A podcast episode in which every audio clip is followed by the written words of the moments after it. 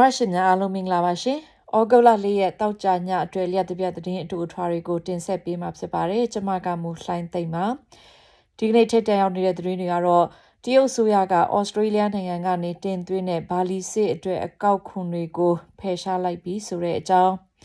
ကနေဒါကဒနသဟာယအားကစားပွဲတော်မှာအင်ရှင်ဖြစ်မကျင်းပတော့ဖို့စိတ်ပြောင်းလိုက်ပြီးဆိုတဲ့အကြောင်းတောင်ကိုရီးယားနိုင်ငံမှာ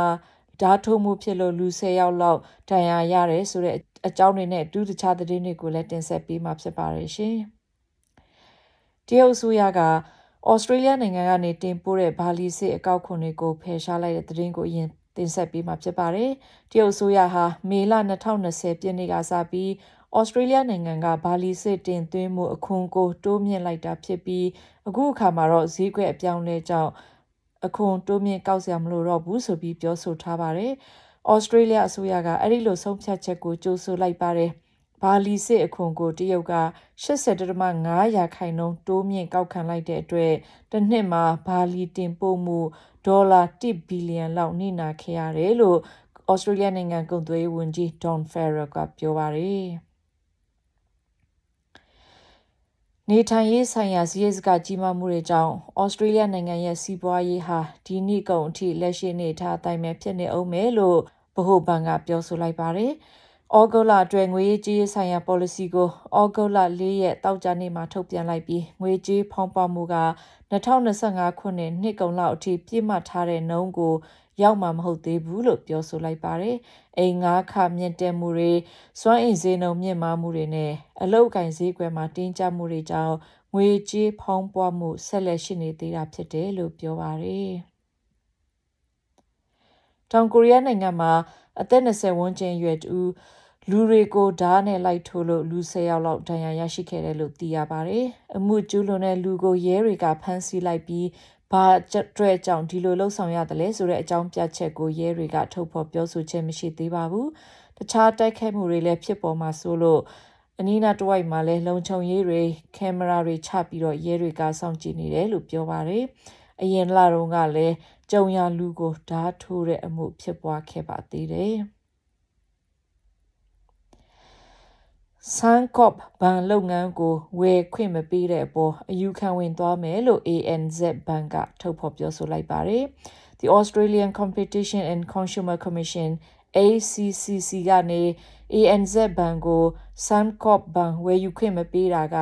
ဩစတြေးလျနိုင်ငံမှာဘဏ်ကြီး၄ခုပဲလက်ဝက်ကြီးအုပ်ထားတာဖြစ်ပြီးအဲ့ဒီလိုဝယ်ခွင့်ပေးလိုက်မယ်ဆိုရင်တော့ပို့ပြီးတော့လက်ဝါးကြီးအုပ်ဆိုးမှုဖြစ်ပေါ်မှာဆိုတဲ့အတွက်ဖြစ်တယ်လို့ပြောပါတယ်ဒါပေမဲ့ ANZ CEO Shane Elliott က ဒီလိုဝယ်ယူခြင်းကအပြိုင်ဆိုင်ပိုဖြစ်စေမှာဖြစ်ပြီးစားသုံးသူတွေအတွက်ပိုပြီးတော့အကျိုးရှိစေမှာဖြစ်တယ်လို့တုံ့ပြန်ပြောဆိုထားပါတယ်။ Woodside Energy CEO ရဲ့နေအိမ်အပြင်ပမှာဆန္ဒပြသူတွေဆန္ဒပြဖို့စီစဉ်တဲ့အခါမှာ ABC သတင်းဌာနကလူတွေကပါဝင်နေတာနဲ့ဆက်ဆက်ပြီး Western Australia ဝန်ကြီးချုပ်က ABC ကိုဝေဖန်လိုက်ပါတယ်။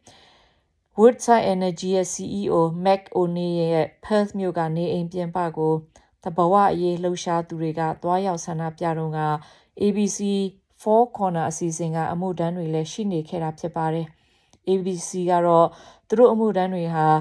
တည်င်းရနိုင်တယ်ဆိုတော့သိရလို့နောက်လိုက်ရာဖြစ်ပြီးစီစဉ်ထားတဲ့ဆန္ဒပြပွဲရှိလို့သွားတာမဟုတ်ဘူးလို့ပြောဆိုလိုက်ပါတယ်။ဒါဝင်းမြို့က ဟက်တာပေါင်း100ကျယ်ဝန်းတဲ့မြေနေရာမှာကာကွယ်ရေးတပ်သားတွေနေထိုင်ဖို့အတွက်အိမ်ယာဆောက်လုပ်မဲ့ကိစ္စကိုယာယီရဆိုင်ထားလိုက်ပြီဖြစ်ပါတယ်။ဌာနေတိုင်းသားမြေယာပိုင်ဆိုင်သူတွေနဲ့ဒေသခံတွေကအဲ့ဒီမြေနေရာဟာရိုးရရင်ကျေးမှုနဲ့သက်ဆိုင်တဲ့နေရာသဘာဝရေးရာအရအရေးကြီးတဲ့နေရာဖြစ်လို့အဲ့ဒီအမြဲစိမ့်တည်သောနေရာကိုဘူဒိုဇာမထိုးဖို့စန့်ကျင်ကြရာကနေအဲ့ဒီအစီအစဉ်ကိုရနာထားလိုက်တာဖြစ်ပါတယ်။ Defense Housing Australia က2024ခုနှစ်မတ်လအထိအဲ့ဒီအိမ်ယာကို အကောင့်ထဲပေါ်ဖို့ရနာထားမှာဖြစ်တယ်လို့ပြောပါတယ်။ Queensland ပြည်နယ်က South Australia ပြည်နယ်လိုပဲကလေးငယ်တွေအတွက် meningococcal B ကာကွယ်ဆေးကိုအခမဲ့ထိုးပေးမယ်လို့ပြောဆိုလိုက်ပါတယ်။မွေးကင်းစအရွယ်နဲ့ နနှစ်နှစ်အောက်ကလေးငယ်တွေအပြင်အသက်15နှစ်နဲ့16နှစ်အကြားလူငယ်တွေကိုနောက်နှစ်ကစပြီးတော့အဲဒီကာကွယ်ဆေးကို အခမဲ့ထိုးပေးမယ်လို့ပြောပါတယ်။နောက်ဆုံးသတင်းတစ်ပုဒ်မှာတော့ကနေဒါနိုင်ငံကကနဦးမှာ2030ခုနှစ်ဒနသဟာယအားကစားပွဲတော်အတွက်အင်ရှင်ဖြစ်ခွင့်ရဖို့စ조사ခဲ့ပေမဲ့အခုအခါမှာအင်ရှင်မဖြစ်ချင်တော့ဘူးလို့ပြန်ပြောင်းပြောဆိုလာပါတယ်။ Alberta ပြည်နယ်အစိုးရကအဲ့ဒီ အားကစားပွဲတော်ကဒေါ်လာ1.68ဘီလီယံကုန်ကျမှာဖြစ်လို့အခွန်ဆောင်ပြည်သူတွေအတွက်ကုန်ကျစရိတ်များလွန်းတဲ့အတွက်အိမ်ရှင်မဖြစ်ချင်တော့တာလို့ပြောဆိုထားပါတယ်။ဩစတြေးလျနိုင်ငံဗစ်တိုးရီးယားပြည်နယ်အစိုးရကလည်း2026ခုနှစ်ဒနသဟာယအားကစားပွဲတော်မှာအိမ်ရှင်မလုပ်တော့ဖို့ဆုံးဖြတ်လိုက်တာဖြစ်ပါတယ်။ကနေဒါနိုင်ငံကဗစ်တိုးရီးယားပြည်နယ်ကိုကြည့်ပြီးတော့အလားတူဆုံးဖြတ်တာဖြစ်မယ်လို့ Commonwealth Sport Canada အဖွဲ့ကပြောဆိုလိုက်ပါတယ်ရှင်။